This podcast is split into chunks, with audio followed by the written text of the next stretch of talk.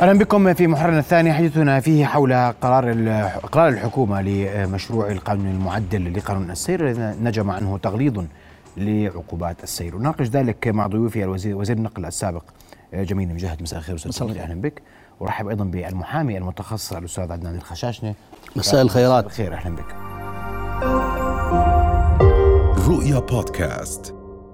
فقط للتذكير بأن التعديلات المقترحة على القانون آه، غلظت بعض العقوبات. نستعرض أبرزها سوية. المخالفة باستخدام الهاتف المحمول باليد أثناء القيادة كانت القيمة السابقة 15 دينارا. تم تعديل هذه القيمة إلى 50 دينار. قطع الإشارة الحمراء آه، كانت القيمة السابقة من 100 إلى 200 دينار. آه، القيمة بعد التعديل هي حبس شهر إلى شهرين وغرامة من 200 ل 300 دينار. التدخين أثناء القيادة لم تكن مخالفة سابقا باتت قيمتها 10 دنانير اليوم. القيادة بسرعة عالية لأكثر من 50 كيلو متر من السرعة المقررة. كانت القيمة السابقة 100 دينار. التعديل ثلاثة أشهر حبس أو شهر إلى ثلاثة أشهر حبس وغرامة 100 دينار.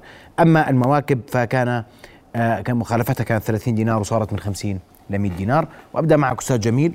هذه التعديلات المقترحة على مشروع القانون. والسؤال هذه جباية أم تعديل تغليظ عقوبات وهل ستسهم في ضبط حوادث السير وضبط المخالفات على الطريق؟ شكرا سيدي. يعني إذا اطلعنا آه، للأهداف اللي آه، كما آه، طبعا تم إعلان عنها القانون المعدل كانت تتكلم عن الحد من المخالفات وضبطها وتحقيق السلام المروري لجميع مستخدمي الطريق. لأنه تعتبر الحكومة أنه هنالك في عدم التزام البعض من تطبيق قانون السير. ولا بد من تحقيق الردع العام والخاص. هذا ما هو معلن من آه، أهداف للقانون المعدل نعم. آه، لكن كما نعلم أنه حتى آه، الجهود التي تبذل دائما للحد من حوادث الطرق تتلخص في أساليب آه، محددة وهي ثلاثة. الأول المعالجات الهندسية والبيئة المرورية الآمنة اللي يجب توفيرها وتعليم وتوعية مستخدمي الطريق ومن ثم يأتي تطبيق القانون والتشريعات. الأسلوبين الأولانيات هم تبين من خلال الدراسات اللي وعالميا إنهم هم أكثر أسلوبين يعملوا على تعديل سلوكيات مستخدمي الطريق. ولا يجوز أن نلجأ إلى الأسلوب الثالث وهو تطبيق القانون والتشريعات قبل ما أحقق البيئة المرورية الآمنة. وأدرب وأعلم ووعي مستخدم الطريق. ثم ألجأ إلى موضوع العقوبات وتطبيق آه القانون وإيقاع العقوبات على المخالفين. آه، للأسف خلينا أحكي وهي آه، وما تبين من الأهداف المعدل آه، أن الحكومة يمكن بسياستها في معالجة مشكلة الحوادث المرورية لجأت إلى الأسلوب وهو فقط التشريعات وتطبيق القانون بعيدا عن الإجراءات الأخرى طيب. التي كان من المفروض. نبدأ فيها.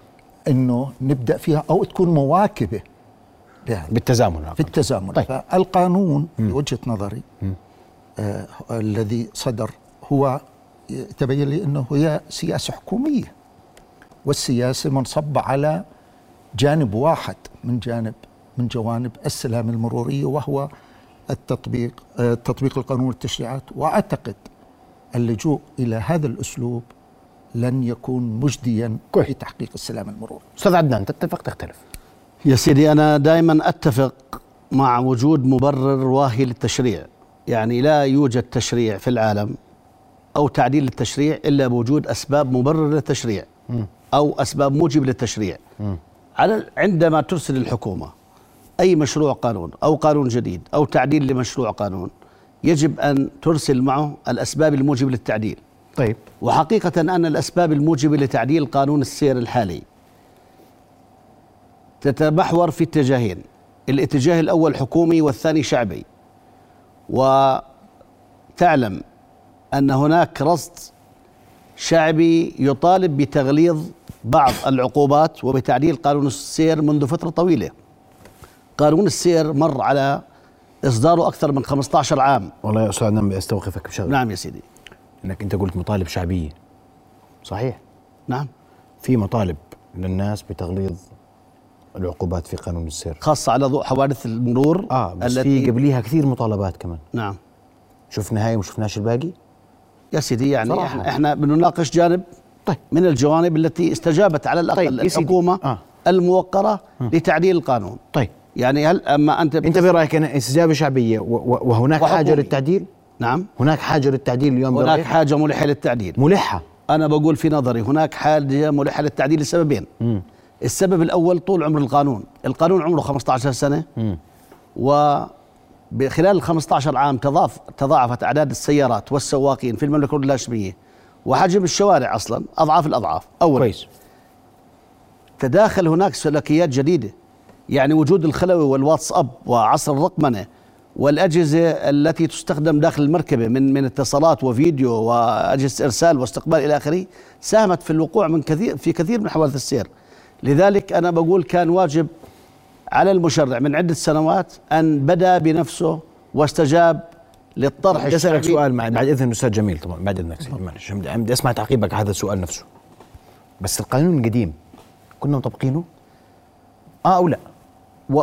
بصراحة. والله أنا ما ب- ما اعطيكش آه ولا أنا قانوني؟ كان يطبق لكن ليس بالوجه الذي يتطلبه المشرع أو يعني أنا أسألك سؤال. اليوم جربنا نخالف الناس 15 ليرة على التليفون الخلوي. نعم. وما ما ارتدعوا. قلنا نرفعها ل 50 بلكي ارتدعوا بسألك سؤال. إحنا سيدي في مقوله بالقانون. قانون سيء. بتطبيق جيد آه. أفضل من قانون جيد بتطبيق سيء. كويس القانون اللي كان عندنا لا حدا عارف جيد ولا إحنا ما طبقناهوش سيدي تحكي كان يطبق بصراحة. آه. القانون القديم كان يطبق وين؟ أنا بقول لك وين يطبق. في الحملات. كان يطبق في الحملات. في الفزعات كان يطبق كنا نعمل حملة يا أستاذ. يا أستاذ عيسى. أنا والله بحكي جد. وأنا ما ب... أستاذ أنا عفوا. وأنا أنا أنا عشان أكون معك صريح. كنا نطبقه ونقول والله في حملة على التليفونات هذا الشهر. ديروا بالكم يا إخوان. نعم. حملة حزام أمان. صح. نعم. شهر ومرات أسبوعين ومرات خمسة أيام. حملة حملة الحزام الامان ما كملت شهر. والله ما كملت خمسة أيام. راحت. صح؟ يا سيدي ال- القانون وجد لتطبيقه على الدوام. ما هو مش مطبق القديم. زمان ومكان إذا كان ما الداعي للتعديل إذا أنا مش مجرب القانون أصلا؟ سيدي هو بحاجة للتعديل إحنا بنقول لكن مع التعديل بحاجة لأنه نجرب تطبيق القانون بشكل جيد. وتطبيق القانون بحذافيره لا يمكن أن يتم سيدي في أي دولة من دول العالم. قانون السير إذا بدك تطبقه بحذافيره يجب أن تضع شرطي مرور مع كل سائق مركبة إحنا بنقول عادة أهم شيء بالمرور الإجراءات الوقائية اولا اثنين الإجراءات العلاجية بتتم إحنا تع- تعديل القانون جاء كاستجابة لإجراءات ردعية علاجية خاصة. طيب. للوفيات التي تنشأ عن حوادث السير كويس. بس خلينا نجاوب عن الغرامة تفضل يا سيدي أنت سألت معالي إنه الغرامة هل هي جباية في كل العقوبات في العالم العقوبات موجودة يا حبس يا غرامة يا حجز مثل حجز الرخص وقفه حجز المركب إلى آخره. الغرامة عقوبة. هل المشرع أو الحكومة أرادت فعلا الجباية من وراء قانون السير؟ أنا بقول إذا أرادت ذلك فسيسقط القانون في أول فحص. لكن الحقيقة يجب أن تكون مدارك الحكومة ومدارك المشرع أوسع. حماية الناس تطبيق القانون احترامه أولى من جباية المال. كويس. أسمع رأيك أستاذ جميل في هذه النقطة والسؤال كان هل كنا بحاجة ولا ما كناش بحاجة؟ بنعمل حملات وبنوقفها وبنعلن الحملة وبنقول هسه على الخلوي بكرة على الحزام ما هي كلها قانون. طب. جربنا نطبقه وقلنا ما بزبط بنعدله يا سيدي. و- وعشان كمان أنا أكون منصف اسمح لي أستاذ جميل. تفضل. في الدول الجوار كلها المخالفات عندنا أقل منهم بكثير. نعم. وحتى مع الرفعة لساتها أقل. نعم. عشان نكون متفقين. و- وإحنا نطلع برا وبنخالفش مش إشارة خط مشاة. تفضل. سيدي بداية التعديل على التشريعات شيء طبيعي بعد خصوصا مرور يعني القانون الحالي صدر من 15 سنة، 2008 2008. 15 واستجدت كثير من الأمور آه، التي يجب أنه آه، إعادة النظر فيها. آه، هنالك بعض الإجراءات التنظيمية والإدارية اللي في القانون التي كمان وجدت لإدارة السلام المرورية آه، إضافة إلى أنه آه، موضوع آه، العقوبات والتشدد في في العقوبات. فمن الطبيعي أن يكون هنالك في تعديل. لكن هل تشديد العقوبات اللي ورد في القانون هل سيحل المشكلة؟ أم لا؟ أعتقد أنه بالطريقة التي آه، جاء فيها القانون وبالنصوص القانونية آه، لن يساهم بشكل كبير لعدة أسباب. لو أجينا للأسباب ارتكاب المخالفات عندنا في الأردن. اخذها واحدة واحدة. بداية هنالك في جهل في القانون وعدم وعي بخطورة المخالفات اللي مرتكبة عند المواطنين. هذا السبب الأول. السبب الثاني عدم وجود. اسألك سؤال يا يا تفضل. آه، خليني لا، أكمل بس بس. اسمح لي أنا قبل السبب الثاني عشان السبب قلت لي عدم وعي. في واحد مش واعي إنه الإشارة الحمراء كارثة أقطعها حمراء؟ لا هنالك في ناس كثير. آه. لا ما هو خلينا آه، آه، ليش أنا ذكرت هي الأسباب؟ عشان أقول لك تفضل. ما هي العدم أسباب عدم وجود الوعي. السبب الثاني عدم وجود رقابة فعالة على تطبيق القانون. والسبب الثالث عدم وجود عقوبة رادعة. والسبب الرابع عدم وجود بديل للمواطن في كثير من المخالفات اللي بيرتكبها. انت ذكرت الجهل بالقانون وعدم الوعي. التشريعات التي تصدر في كثير من الأحيان وكما ذكرت ما هي المبررات لها وهل المواطن داعم هذه التعديلات التشريعية؟ أم لا؟ الاستاذ عدنان بيقول لك آه. عدم اهتمام لا. بقول لك هذا مطلب شعبي أصلا. هي مطلب شعبي لأنه أول شيء حتى يكون تساهم يجب إنه أول شيء تلجأ للأسباب معالجة الأسباب. وليس إنه أرضخ لي أقول والله إنه المخالفات المرورية يجب التشدد في العقوبات. حتى مثل ما حكينا الجهل بالقانون بداية هذا يجب إنه يرافقه إيش؟ أول شيء على التعليم والتدريب لمستخدمي الطريق وهذه في عندنا مشكلة في الأساس. يجب إنه ليش بتقول لي؟ إنه والله في في جهل في جهل في القانون وفي جهل في خطورة المخالفات المرتكبة وما سينتج عنها. لذلك يجب إنه كان في البداية إنه نركز على موضوع التعليم والتدريب والتوعية طيب. لمستخدمي الطريق. فيما يتعلق الرقابة في عندنا مشكلة كبيرة وهي اللي ذكرتها. آه، الرقابة آه، غير فاعلة ابدا. ولا تطبق. كثير كثير من ال- إحنا بنقوم على الشرطة لما يطبق القانون. لطفا؟ نتفق القانون لما يطبق بنقوم على الشرطة. لا لطفا لا يجوز. بنقوم عليهم سيدي. إذا- بقول لك أنا سيدي- بحكي الواقع اليوم. هو أنت رجل سيدي، العام مواطن. ما هو الرقابة المرورية يجب إنها لا- لا- مثل ما حكينا يجب إنها تكون آه، صارمة فاعلة. وعادلة. ولا يجوز لرجل السير إنه يشوف أي مخالف وإنه ما. يتخذ إجراء. لأنه الشعور عند المواطن حاليا إذا ما شعر المواطن إنه يمكن ضبطه إذا فيما خالف راح يكرر المخالفة. واضح. كثير من بنشوف مخالفات لكن لا يتم اتخاذ إجراء بيعطي شعور عند المواطن إنه ليس مخالف. والنقطة الأخيرة وهو العقوبات.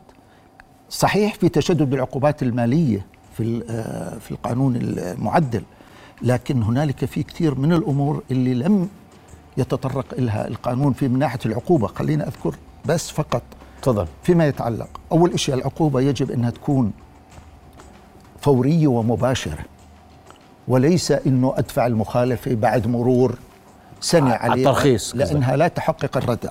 هاي نقطة النقطة الثانية العقوبة الشخصية لأنه كثير حاليا المخالفات من يرتكب المخالفة ليس هو الذي يدفع المخالفة مالك المخالفة المركبة. مالك, مالك المركبة، نعم. هذه النقطة نعم. النقطة الأخيرة يجب التركيز على موضوع في المخالفات آه، على موضوع آه، الإجراءات أو خلينا نقول العقوبات غير المادية لأن العقوبات المادية مش دائما هي المؤثرة طيب على واضح. السلوكي. رح أسمع ردك وتوضيحك في هذه النقاط بعد فاصل قصير. اسمح طيب. لي أستاذ عدنان فاصل ومن ثم نواصل ابقوا معنا.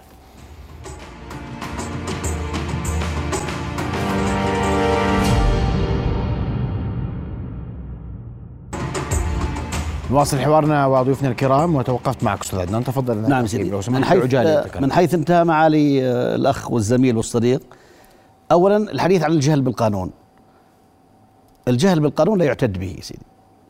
لأنه التشريعات في العالم كله يفترض عندما تصدر تعلن بجريدة رسمية أو بواسطة آه، وسيلة معينة أن يكون الكل على علم فيها.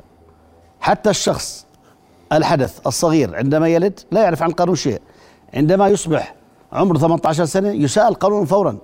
المفروض هو أن يعلم أن يتعلم. لكن هل هناك آه خلينا نقول إعلام كافي. هل هناك توعية كافية للحديث عن القوانين عند نشرها؟ هاي مسألة أخرى سيدي. طيب.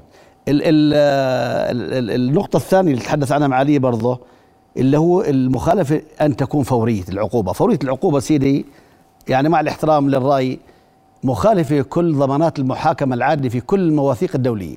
ما في شيء أنت مجرد ما خلفت الآن أنا مباشرة تسوق السائق للسجن طيب معه أخته ومرته وبنته افرض معه مريض وين سيارته تروح؟ ال ال ال الفورية أنا بقول سيدي لا تنفذ إلا من خلال المحاكم. يعني حتى سيدي سيدي، 24 ساعة. حتى لا ما بعطيها شهر. سيدي أعطيه سيدي. شهر. سيدي. يعني الآن يا- يا- الآن يا أستاذ. الآن حسب جسا... اسمح لي. يا حسب أستاذ. جسامة. الجريمة. آه طب ماشي. ده الشخص مات بده يروح على المدعي العام بده يروح على القاضي بوقفه. قطع إشارة حمراء. قطع شرع آه، وشاف يجب أن. يحول القضاء سيدي. القضاء هو الفيصل. سيدي ماشي بحول على قضاء ثاني يوم. لا ماشي حول أنا ثاني يوم. بنحوش صح. ثاني يوم. إجراء. سيدي. أنا بسحب رخصه اذا بدي أسحب رخصه نعم. بعطيه إشعار وبقول له توكل على الله. خلصنا. أنا بقول حسب سيدي حسب خطورة ال... ال... ال... ال- المخالفة والقضية. بس أنا- سيدي أنت كله مخالفات نقدية باستثناء قطع الاشاره الحمراء والقيادة بسرعة عالية. سيدي المشرع. صح. المشرع اسمح لي. شرط المرور الشخص الوحيد الذي يقوم بثلاث واجبات. يقوم بإجراء وقائي منعي سلطة تنفيذية بنظم السير ويقوم بإجراء قاضي. هو لما بخالفك 15 دينار وبيستوفيها منك هو محكمة صار. طيب. وثالثا إجراء تنفيذي. لما بقود السائق وبكلب جو بوديه على المحكمة هو قام بثلاث وظائف. بس بدي أقول أنا سيدي في كل العالم لا يجوز أن تكون للسلطة الواحدة دورين. يا سيدي ماشي. سلطة تنفيذية بتنفذ السلطة القضائية على أقل تقدير. نعم. أعطي مهل زمنية. محدوده مش. آكل مخالفتي اليوم؟ بكون مرخص امبارح بقعد سنة بنسى المخالفة ومين ارتكبها وكيف ارتكبها.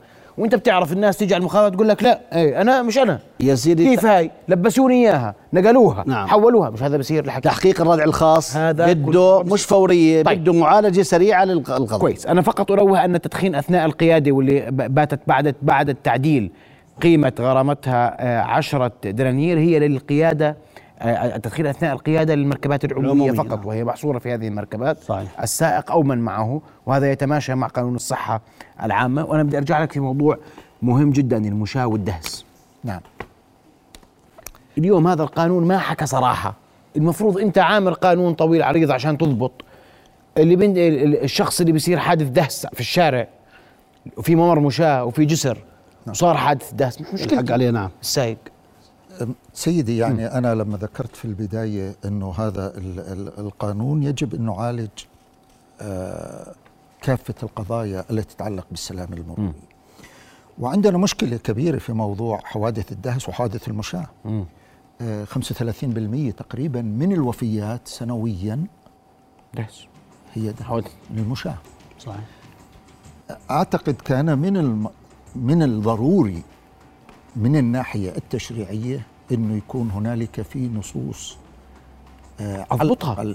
آه تضبط آه موضوع الحوادث آه فيما يتعلق بالمشاة وال- والحد منها صحيح إنه الحوادث اللي تتعلق بالمشاة لها أسباب أخرى غير موضوع الرقابة وتطبيق القانون خاصة في موضوع البيئة المرورية مفهوم، مفهوم. من ارصفه من ممرات مفهوم. مشاة مفهوم. آه له دور يجب أنه تقوم نعم. فيه البلديات في لكن كان الاجدر الإشارة له. على على على أن لكن- توفر البيئة المرورية يعني اليوم أنا بسأل سؤال هذا السؤال. إذا بينه وبين خط المشاة نص كيلومتر صار حادث دهس الحق على مين هذا يمكن إذا ذكرت في جسر أنا ذكرت في البداية إنه كمان من أهم أسباب ارتكاب المخالفات عدم وجود بديل لما يجي المشاة بده يقطع الشارع أو بده يمشي على الشارع بعدم وجود رصيف وبدي خط عدم مشاة. وجود ممر مشاة. بدي ممر مشاة. لذلك البيئة المرورية والهندسية اللي مهمة جدا. مهمة جدا. جميل. آه قبل إنه ما ألجأ لموضوع. كويس. أسمع يا سيدي يعني إحنا كنا أبناء الوطن نجوب المملكة الأردنية الهاشميه من الرمثة للعقبة. المنطقة الوحيدة التي يحترم فيها ممر المشاة العقبة. فقط ولا أدري يعني إن كان ما زال الناس تحترم السواقين الم... لأنه صار لي ثلاث سنين ما زلت عليها. لكن على كلا فيما يتعلق بالمشاة لأول مرة أضاف المشرع نصا خاصا اسمح لي أقرأه على الرغم مما ورد. طبعا هاي بالمادة 27 معدلة. على الرغم مما ورد في هذا القانون لا يلاحق السائق جزائيا. إذا كان الحادث قد نجم عن فعل المتضرر وكان هذا الفعل هو السبب الرئيسي لوقوع الحادث. وهنا الش- المشرع قصد على استحياء المشاة على استحياء نعم على هذا استحياء القانون لأنه هو- لم يوضح سيدي نعم. كان طيب. يعني بالإمكان- هذا هذا مشروع قانون نعم. اليوم هو آه، سيصار إلى تحويله مجلس النواب صحيح. وسيدور حوله نقاش واسع وكبير نعم. ومن ثم نرى كيف تنتهي الأمور نعم. بدي أشكركم كل الله شكر. تنتهي على طبعاً خير. وقت انتهى شكرا جزيلا لكم رؤيا بودكاست